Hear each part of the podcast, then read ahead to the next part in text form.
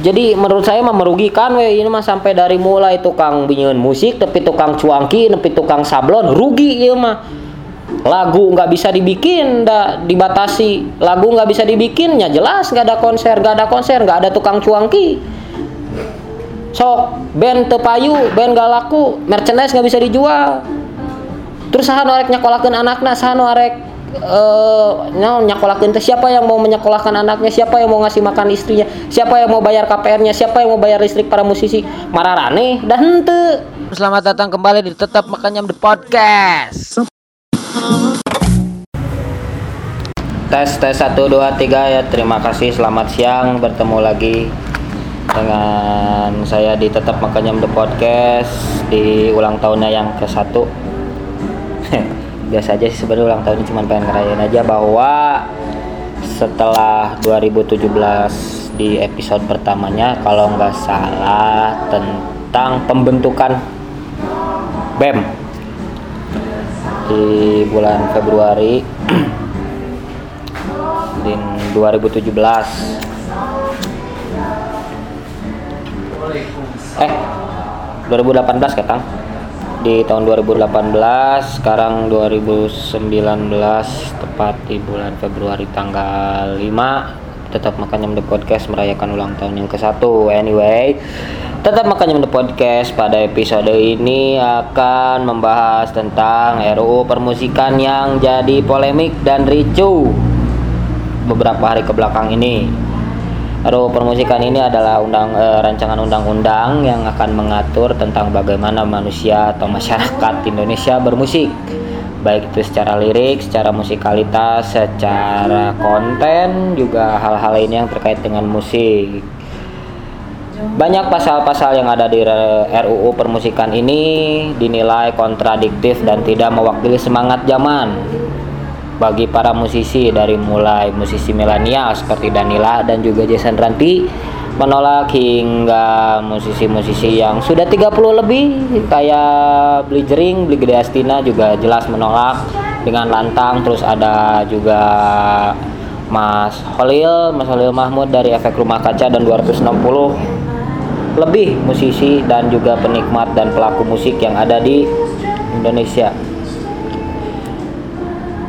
uh, ya itu tadi si musisi dan juga penikmat musik dan juga orang-orang yang berkegiatan dalam musik dan juga mencari makan lewat musik banyak menyatakan bahwa menolak untuk mengesahkan draft RUU permusikan. Jadi dari ratusan musisi yang dari berbagai genre ini tergabung di apa ya namanya koalisinya tuh? Koalisi Nasional Tolak RUU Permusikan kalau saya baca dari siaran pers yang kemarin waktu hari Senin koalisi ini nilai kalau uh, nggak ada urgensi bagi DPR untuk uh, ngebahas dan juga mengesahkan RUU permusikan untuk jadi undang-undang. Karena ya itu tadi yang saya sampaikan pertama bahwa RUU permusikan ini dinilai menyimpan banyak masalah yang juga nantinya akan berpotensi untuk membatasi menghambat dukungan perkembangan proses kreasi dan juga justru bisa saja merepresi para pekerja musik. Tadi saya udah bilang kalau misalnya Daniel Riyadi juga menolak. Uh, Daniel Riyadi juga sempat mengatakan kalau ingin musisinya ingin sejahtera, kok masih? Kalau musisinya ingin sejahtera, sebetulnya sudah ada undang-undang perlindungan hak cipta dan lainnya dari badan yang lebih mampu melindungi itu. Jadi nggak ada lah urgensi dan untuk apalagi RUU permusikan ini. Sementara ada juga personal grup darah muda Mbak Rara Sekar juga bilang seenggaknya ada 19 pasal yang bermasalah dalam draft rancangan undang-undang permusikan ini dari mulai nggak jelas secara redaksional, nggak jelas secara subjek dan objek hukum yang diatur, nggak jelas persoalannya jaminan kebebasan berekspresi dan bermusik. Salah satunya dipersoalkan ya itu tadi ada di pasal 5, pasal yang isinya itu larangan bagi setiap orang dalam berkreasi untuk mendorong halayak melakukan kekerasan dan perjudian serta penyalahgunaan narkotika, psikotropika dan zat adiktif lainnya. Terus memuat konten pornografi, kekerasan seksual dan eksploitasi anak, juga memprovokasi pertentangan antar kelompok, antar suku, antar ras dan atau antar golongan, menistakan, melecehkan dan atau menodai nilai agama, mendorong halayak umum untuk melakukan tindakan melawan hukum, membawa pengaruh negatif budaya asing dan atau merendahkan harkat dan martabat manusia. kerasa nggak sih kalau misalnya si RUU permusikan ini sangat membatasi para pelaku musik untuk menciptakan karya entah itu secara lirik entah itu secara musik entah itu secara banyak lah yang makanya banyak musisi dan juga pelaku musik atau sampai sound engineering juga yang sebenarnya tidak memainkan alat musik pun jelas menolak karena mereka ini semua hidup dari musik dia makan dia bisa menyekolahkan anak dia bisa bangun rumah dia, dia bisa nyambung hidup tuh lewat musik. Kalau misalnya karya-karya mereka dibelenggu dan tidak bisa dijual dan nggak bisa dinikmati dari mana mereka mau makan?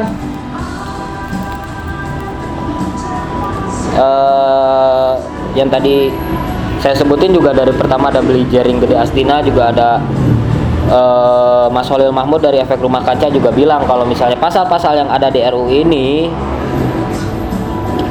uh, di pasal-pasal RUU permusikan ini juga bersifat ya, ya pakai pasal karet gitu. Jadi membuka ruang atau membuka kesempatan untuk para kelompok penguasa dan atau siapa pun yang mungkin nantinya akan melakukan persekusi kepada orang-orang atau pihak-pihak yang tidak sejalan dengan mereka. Kayak ya realitas sekarang ini undang-undang ITE 2008 lah banyak dipersalah eh kok banyak disalahgunakan dan kita nggak mau nggak mau lagi dong kalau misalnya nanti draft RUU ini menjadi RUU dan disahkan menjadi undang-undang yang notabene seperti undang-undang ITE 2008 2.0 gitu kan ya sayang aja gitu. Terus juga Mas Walil juga bilang kalau pasal-pasal ini bertolak belakang dengan semangat kebebasan berekspresi dan berdemokrasi yang dijamin oleh Undang-Undang Dasar 1945 Terus juga dari penolakan itu koalisi ini juga menginisiasi atau menggalang uh, menggalang menggalang suara melalui petisi online atau daring penolakan RUU permusikan melalui change.org hingga Selasa tadi jam 10 sebanyak 170.323 orang telah mendukung petisi tersebut. Di lain tempat menurut Mas Anji dari kompas.com juga bilang kalau penyanyi eh salah. Mas Anji sebagai salah satu musisi yang juga turut menyoroti atau memantau draft RUU permusikan ini uh, menilai dari banyak keriuhan yang ada yang menyayangkan sebagian pihak yang telah menunjukkan sikap atas persoalan ini tanpa tahu betul seluruh data yang ada termasuk dari draft RUU permusikan. Tadi uh, eh kok tadi kemarin uh, saya lihat tweetnya Mas Anji dari Twitter miliknya atau Twitter punya dia @duniamanji yang isinya tadi saya ketemu beberapa musisi saat pembahasan tentang RUU permusikan. Menolak RUU adalah suara uh, yang sama hampir semua orang juga mengucapkannya atau mengatakannya. Cuma yang disayangkan menurut Mas Anji adalah terlalu uh, terlalu banyak atau ternyata banyak juga yang belum membaca secara lengkap bahkan tidak tahu di mana membaca draft RUU yang dimaksud yaitu RUU permusikan. Tapi dengan lantang sudah mengatakan untuk menolak RUU tersebut. Buat Mas Anji ketika kalian atau kita atau kamu menolak atau menyetujui, menyetujui sesuatu harusnya bukan karena kata orang-orang atau berdasarkan fakta yang diberi orang lain. Padahal udah ada jelas sumbernya yang bisa dicari, cari tahu lebih dalam dan Mas Anji lihat nggak ada atau bukan nggak ada. Mas Anji lihat banyak yang belum melakukan eh, kajian lebih lanjut mengenai draft RUU tersebut sampai saat ini atau sampai artikel ini dikeluarkan Mas Anji merupakan salah satu pelaku musik yang masih enggan menyatakan sikap untuk menolak ataupun menyetujui karena dia beralasan karena masih banyak hal yang harus diamati gitu uh, juga sebenarnya Mas Anji nggak pro seperti apa yang tadi ditulis dalam pernyataannya bahwa Mas Anji belum bersikap menolak atau bersikap untuk mendukung karena Mas Anji masih harus melihat lagi draft rancangan undang-undang permusikan tersebut. Kita juga Mas Anji nggak masuk e, di dalam koalisi nasional untuk tolak RUU permusikan yang diisi sebanyak lebih dari 260 pelaku musik tersebut. Buat yang buat yang belum tahu kalau RUU permusikan ini dirancang oleh para wakil rakyat di Komisi 10 DPR RI yang isinya ada Cepopong yang waktu itu tenar karena palu na eueuh. Terus juga ada Mas Ibas anak Pak Presiden Susilo Bambang Yudhoyono. Terus ada uh, Mas Anang juga kalau nggak salah. Iyalah ada Mas Anang orang dia yang ngusulin kok.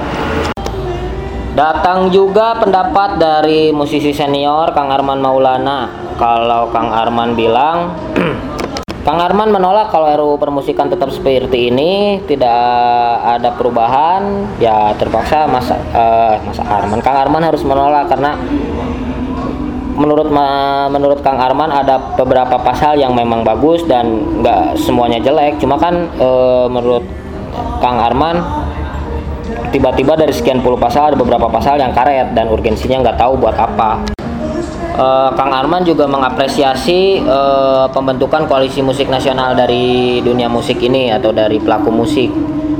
Ya bisa kita lihat kalau misalnya di dalam koalisi nasional tolak RUU permusikan ini semua uh, genre ikut bergabung juga dari musisi indie hingga merger dari angkatan lama sampai ya, ya yang baru sekarang milenial ini juga turut serta untuk uh, mengawal RUU ini hal positifnya jadi lebih kebuka aja gitu semua musisi jadi tahu apa aja sih pasal yang ada di dalam RUU permusikan ini nggak kayak yang dulu-dulu tiba-tiba jadi aja kan heh tuh setelah semua kontroversi yang timbul gara-gara RUU permusikan ini salah satunya di pasal 5 yang dianggap sebagai pasal karet Mas Anang yang juga sebagai musisi juga anggota dari Komisi 10 DPR RI yang selaku penginisiasi RUU permusikan ini menyebut kalau dirinya juga agak setuju dengan pasal tersebut. Mas Anang bilang waktu diskusi soal RUU permusikan di kawasan Cilandak Jakarta kemarin bahwa beliau tidak setuju dengan pasal 5 itu. Waktu mengetahui pasal 5 RUU permusikan, Mas Anang sempat mengaku menyatakan keberatannya bahwa dia sudah memprediksi jika pasal ini nantinya akan menuai banyak penolakan dari sejumlah musisi. Mas Anang juga mengakui kalau dia sudah berdiskusi dengan Papri, Persatuan Artis Penyanyi Pencipta Lagu dan Pemusik Indonesia agar pasal tersebut direvisi. Rencananya juga Mas Anang akan terbang ke Yogyakarta dan ke Bandung untuk mensosialisasikan RUU permusikan yang sebenarnya sosialisasi itu lemah setelah ya nggak tahu sih kalau misalnya memang setelah eh sebelum ini ramai dan uh, ricuh nggak tahu ada atau enggak si sosialisasi tentang RUU permusikan ini. Kebayang nggak sih? Kalau misalnya kita atau kalian sebagai musisi entah itu indie atau musisi uh, industri tahu-tahu aja ada gitu. Si undang-undangnya tanpa ada pemberitahuan tanpa ada ngobrol dulu kita sebagai masyarakat yang diwakili suaranya oleh para wakil rakyat di Senayan tapi Mas Anang tetap mengaku buat buka kesempatan kepada para pelaku musik untuk memberikan kritik dan masukan. Makanya kita sama-sama minta tanggung jawab Mas Anang, kita minta kewajiban Mas Anang untuk menyampaikan suara-suara kita kepada orang-orang yang ya orang-orang yang mengatur tentang RUU tersebut. Mas Anang juga bilang kalau misalnya kita akan terus berjalan bersama-sama harapan dari teman-teman yang lain berikan masukan karena ini akan menjadi hal yang baik untuk industri musik tata kelola yang akan datang bahwa ini adalah bagian hal yang kita perjuangkan. Itu teman-teman. Mas Anang bilang kalau dia siap menerima semua kritik dan saran dari berbagai pihak yang turut terlibat dalam penggodogan RUU ini kalau ada yang belum tahu tentang pernyataan sikap dari Koalisi Nasional Tolak RUU Permusikan ini adalah yang pertama. Pertama tentang pasal karet, seperti sudah dikritisi oleh sesama pelaku musik lainnya dan dari media, pasal 5 memuat kalimat yang penuh dengan multi interpretasi dan bias. Yang kedua adalah memarginalisasi musisi independen dan pada Eko dan pada memarginalisasi musisi independen dan berpihak pada industri besar. Ada pasal yang mensyaratkan sertifikasi pekerja musik berpotensi memarginalisasi musisi yang tidak sesuai dengan pasal ini. Uh, pasal 10 yang juga ngatur distribusi karya musik dengan tidak memberikan ruang kepada musisi untuk melakukan distribusi karyanya secara mandiri. Yang ketiga, memaksakan kehendak dan mendiskriminasi. Ya, yang tadi teh bagian uji kompetensi dan sertifikasi dalam RUU permusikan adalah cermin dari pemaksaan kehendak dan berpotensi mendiskriminasi musisi di banyak negara juga praktek uji kompetensi untuk eh, pelaku musik emang ada, cuman gak ada satu negara pun di dunia ini yang mewajibkan semua pelaku untuk melakukan uji kompetensi. Begitu.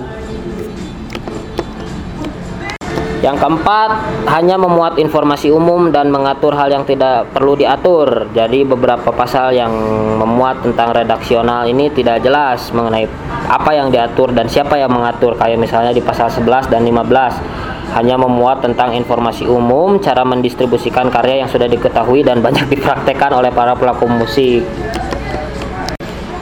Si pasal 11 dan 15 ini dinilai nggak memiliki banyak bobot Eh, sebagai sebuah pasal yang tertuang dalam peraturan setingkat undang-undang. Terus juga di pasal 13 tentang kewajiban mengeluarkan label berbahasa Indonesia. Terus juga di poin keempat ini setelah dibaca lebih jauh bahwa uh, draft RUU permusikan ini ternyata sangat nggak beres dari mulai pasal 4, pasal 5, pasal 7, pasal 10, pasal 11, 12, 13, 15, 18, 19, 20, 21, 31, 32, 33, 42, 49, 50 dan 51 juga masih banyak lagi kesalahan-kesalahan ini menunjukkan bahwa si perancang ini nggak paham dalam menyusun naskah kurang paham dalam menyusun naskah RUU permusikan tentang keanekaragaman potensi dan juga tantangan yang ada di dunia musik itu sendiri. Uh, banyak juga lah uh, apa ya? Banyak pula lah uh, pernyataan sikap yang tertuang di dalam di dalam press release press release press release dari koalisi musisi nasional. Koalisi nasional tolak RUU permusikan ini. Eh, Mondo Gascaro tegas bilang kalau misalnya tujuan RU ini jelas banget berpihaknya ke mana yang mau dipadamkan jelas kebebasan berekspresi berkarya dan berbudaya serta manfaat ekonomi yang bisa dihasilkan dari para individu-individu eh, musisi tersebut. Ya makanya sebaiknya rancangan undang-undang ini dibatalkan atau ya apa direvisi mungkin seperti yang dibilang sama Mas Anji atau sama Mas Erik Sukamti. Dari sekian banyak polemik yang ditimbulkan dari RUU permusikan ini ternyata banyak viral bahwa naskah akademik eh, naskah akademik naskah akademik dari RUU ini eh, referensi dari RUU ini sangat tidak layak. Salah satu contohnya adalah referensi berasal dari tulisan blogspot yang notabene dalam penulisan ilmiahnya sangat diragukan. Maksudnya kan ini teh aduh euy RUU ya yang kalau misalnya lolos tuh jadi undang-undang masa tuh lewat blogspot meninggal serius apa apa gara-gara anggaran penyusunannya kecil gitu sampai cari sumber ilmiah aja serampangan gitu lewat blogspot skripsi wae nggak boleh lewat blogspot ini mas aduh aing RUU kalau kata beli wayan Gendos Wardane ini eh kalau kalian baca tentang eh, naskah akademik dengan RUU yang mengalami pengelopatan cara berpikir, misalnya nih ya, misalnya soal pasal 5 JO, pasal 50 RUU tentang ketentuan pidananya nggak ada dasar yang kuat e, keperluan pidana dalam kreasi musik, tiba-tiba muncul aja di RUU. Padahal pengaturan tentang hal itu udah banyak diatur di undang-undang yang lain, semisal KUHP Terus juga hal ini juga sekaligus e, ngeliatin atau menunjukkan lemahnya sinkronisasi dari secara vertikal dan horizontal dari draft RUU ini. Kalau kalian nggak tahu e, Wayan Gendo Suwardana ini, Wayan Gendo Suwardana adalah pengacara atau lawyer yang juga aktivis for Bali yang sejak 2013 lantang untuk uh, lantang untuk menolak reklamasi Teluk Benoa dan ya banyak ya jelas banyak musuhnya terus apa lagi ya uh, oh ini juga soal profesi musisi yang tadi saya sebutin di awal konsekuensi logisnya ada di uji kompetensi. Nah, di dalam naskah akademik mengkaji komparasi industri musik di beberapa negara yang maju. Cuma perbandingannya dalam naskah akademik yang bersifat sekilas dan sama sekali tidak menjelaskan tentang pengaturan profesi musisi di negara lain. Apakah di sana musisi sebagai profesi atau enggak? Terus anehnya teh ya, tiba-tiba di RU ini teh dicantumin musisi sebagai profesi dan dan perlu uji kompetensi. lebih parahnya lagi bahwa ketentuan ini diargumentasikan atau eh ya diargumentasikan berkolerasi atau berhubungan dengan kesejahteraan musisi. Jadi kalau secara secara atau dengan kata lain bahwa musisi yang telah berkompeten eh, yang setelah setelah uji kompetensi dan lulus niscaya akan sejahtera. Padahal macan pugu. Banyak musisi yang nggak melalui kompetensi juga masih sejahtera. Ada slang ada Om Iwan Fals ada siapa lagi? Banyak lah bahkan banyak kok musisi yang nggak ngambil pendidikan S1 nya seni musik di Sigit aja ITB kok banyak uangnya nggak belajar musik. Sok di mana gerak nyambungnya di mana nyambungnya sok. Padahal mah ya kalau misalnya kita akuin ini mas secara jujur kayaknya sih soal keadilan musisi lama dan baru ini kayak kayak bikin pemutihan gitu loh. Uh, nyangges lah musisi lama mah udahlah nggak usah pakai kompetensi dah udah jelas gitu. Ini musisi-musisi baru yang udah cita-citanya jadi musisi gitu. Jadi harus mengenyam pendidikan seni musik itu pak masih maksudnya? Terjelas pisan. Ya kalau saya pribadi ditanya apakah kamu mau menolak atau merevisi draft RUU permusikan ini? Ya saya menolak. Gue jelas dan naskah akademiknya juga lewat blogspot ya walaupun gak semua tapi cing atuh aing mah ih lewat blogspot atuh lebay eh lebay lebar sayang. Ya buat kalian yang mau revisi mah enggak terserah bebas. Saya mau menolak RU permusikan ini. Lah tekudu lah make kudu aja uji kompetensi segala dah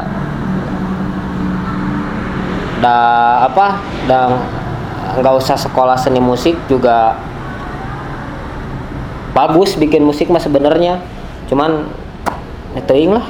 Menurut orang mah orang mah rek nolak we terserah kalian mau anggap saya sok peduli sok call aktivis atau SJW tentang undang apa rancangan undang-undang permusikan ini ya kalian punya hak sendiri. Tapi biar jelas nih ya biar jelas.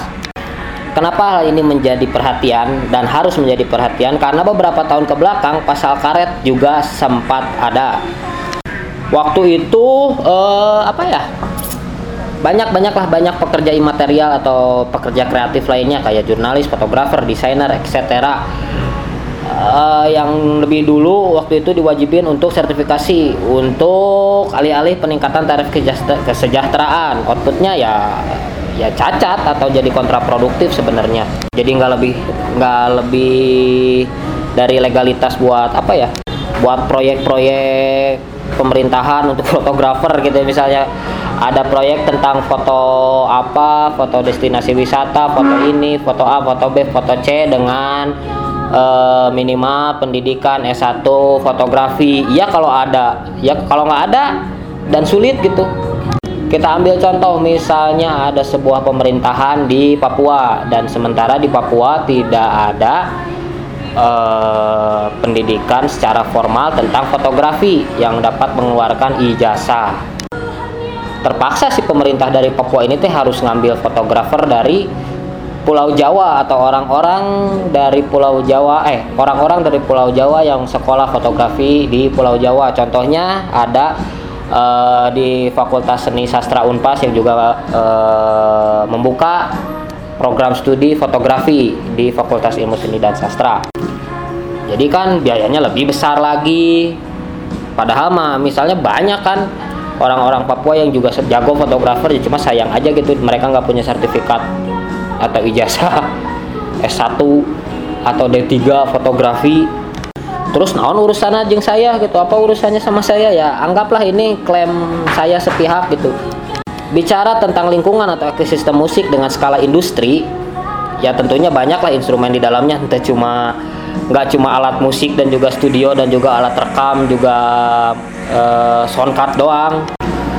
Banyak gitu ada mulai si SDM-nya sendiri terus si kontennya juga. Pokoknya ya banyak pisan lah. Da musik tuh nggak terbatas kepada si pembuat dan penikmat aja. Kalau misalnya dari lagunya aja udah dikekang bagaimana musisi bisa menggelar konser kalau nggak ada konser nggak ada tukang cuangki yang dagang di tempat konser. Tukang cuangki rek dahar naon? Da cuangkina teu payu di tempat konser. Nggak nggak ada konsernya juga jadi nggak bisa dagang cuangki.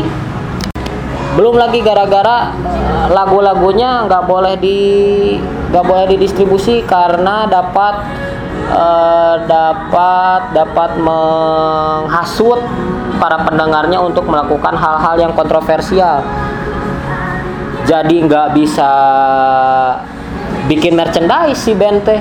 Bikin merchandise tuh bisa ada karya laguna uh jadi memang banyak hal-hal yang beririsan gitu dari dari si musik ini teh bukan hanya dari si pembuat musik dan dan si penikmatnya.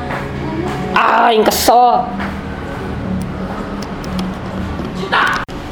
jadi menurut saya mah merugikan we ini mah sampai dari mulai tukang binyeun musik tapi tukang cuangki tapi tukang sablon rugi ya mah. Lagu nggak bisa dibikin nggak dibatasi. Lagu nggak bisa dibikinnya jelas nggak ada konser nggak ada konser nggak ada tukang cuangki. Sok band tepayu band gak laku merchandise nggak bisa dijual. Terus saha arek nyakolakeun anakna saha arek uh, nyakolakeun teh siapa yang mau menyekolahkan anaknya? Siapa yang mau ngasih makan istrinya? Siapa yang mau bayar KPR-nya siapa yang mau bayar listrik para musisi? Mararane dan hente kadinya kudu nama mikir teh jauh euy. Duh aing. Enggak mah ayah undang-undang ITE tentang swasensor. Duh Uh, ya Allah ya Robi. Jadi ya teh kayak ya tadi yang kayak saya bilang gitu ini teh kayak kita teh sedang sedang menjaga biar nggak ada undang-undang uh, informasi dan transaksi elektronik tahun 2008 yang kedua terus misalnya kalian yang bilang emang je, emang uh, podcast kamu bisa ngerubah gitu keadaannya? Uh, oke okay sih cuman ya nggak juga cuman ya setidaknya saya ber, saya ambil sikap. Kalau misalnya uh, saya menolak RUU ini walaupun nggak bisa merubah secara langsung setidaknya mendorong dengan penolakan RUU permusikan ini. Yang gak jelas urgensinya teh gantilah gitu urgensi yang lain teh para orang-orang yang ada di prolegnas ini teh kayak misalnya undang-undang uh, undang-undang penghapusan kekerasan seksual atau tentang undang-undang pekerja sosial atau apa kayak gitu yang lebih kalau bisa undang-undang tentang uh, asisten rumah tangga gitu biar jelas bahwa asisten rumah tangga juga sama gitu mereka teh buruh gitu mereka juga pekerja kudu jelas. Banyak urgensi-urgensi yang lebih urgensi sebenarnya lain ngurus permusikan dan juga uh, kompetensi si musisinya sendiri dan penting mah industrina industrina. Sok kebayang tuh sama kalian-kalian inilah sok. Undang-undang permusikan ini teh kita ganti misalnya RUU permusikan ini kita ganti dengan RUU penghapusan kekerasan seksual misalnya atau tentang uh, undang-undang tentang atau RUU tentang uh, pekerja sosial gitu. Kudu jelas pekerja sosial teh kumaha gitu. Jadi lain dibayar nuhun gitu. Jadi ya juga gitu gitulah perihal juga tentang keterlibatan parsipitaris di ranah aktivisme dan kegiatan sosial ini kan juga uh, untuk kedua turun ke jalan ya walaupun ya memang bagus gitu turun ke jalan uh, menyatakan pendapat. Tapi ya sekarang kan menyampaikan pendapat nggak harus turun ke jalan ya walaupun lebih walaupun juga bagus gitu turun ke jalan. Tapi ya terserah lah semua juga balik lagi ke pilihan masing-masing juga. Ketika kita sama kalian yang gak setuju te sejalan ya tenanawan. Cuman saya tetap berada di uh, di titik untuk menolak RUU permusikan ini ya kalau misalnya mau ngobrol hayu gitu ngobrol. Kenapa kamu pengen direvisi? Kenapa kamu pengen nolak? Kenapa kamu mau malah setuju? Hayu kurang ngopi. Lomba tempat ngopi banyak tempat kopi di Bandung mah. Saya bayarin soklah kopinya jangan takut. Ya buat orang-orang yang juga berjuang untuk meloloskan RUU ini ya terserah. Saya juga menghargai pilihan teman-teman yang lagi berjuang atau teman-teman yang turun ke jalan juga atau dengan cara lain ya saya juga menghargai pilihan teman-teman dengan cara tersebut. Ya pokoknya mah bisa berjuang dengan cara masing-masing. Ya saya gitu ya lah merenan dari saya mah. Terima kasih telah mendengarkan tetap makanya mode podcast sampai detik ini. Boleh mengucapkan ulang tahun saya Soman Z13 mengucapkan banyak-banyak terima kasih. Selamat siang dan selamat hari raya Imlek. Wassalamualaikum warahmatullahi wabarakatuh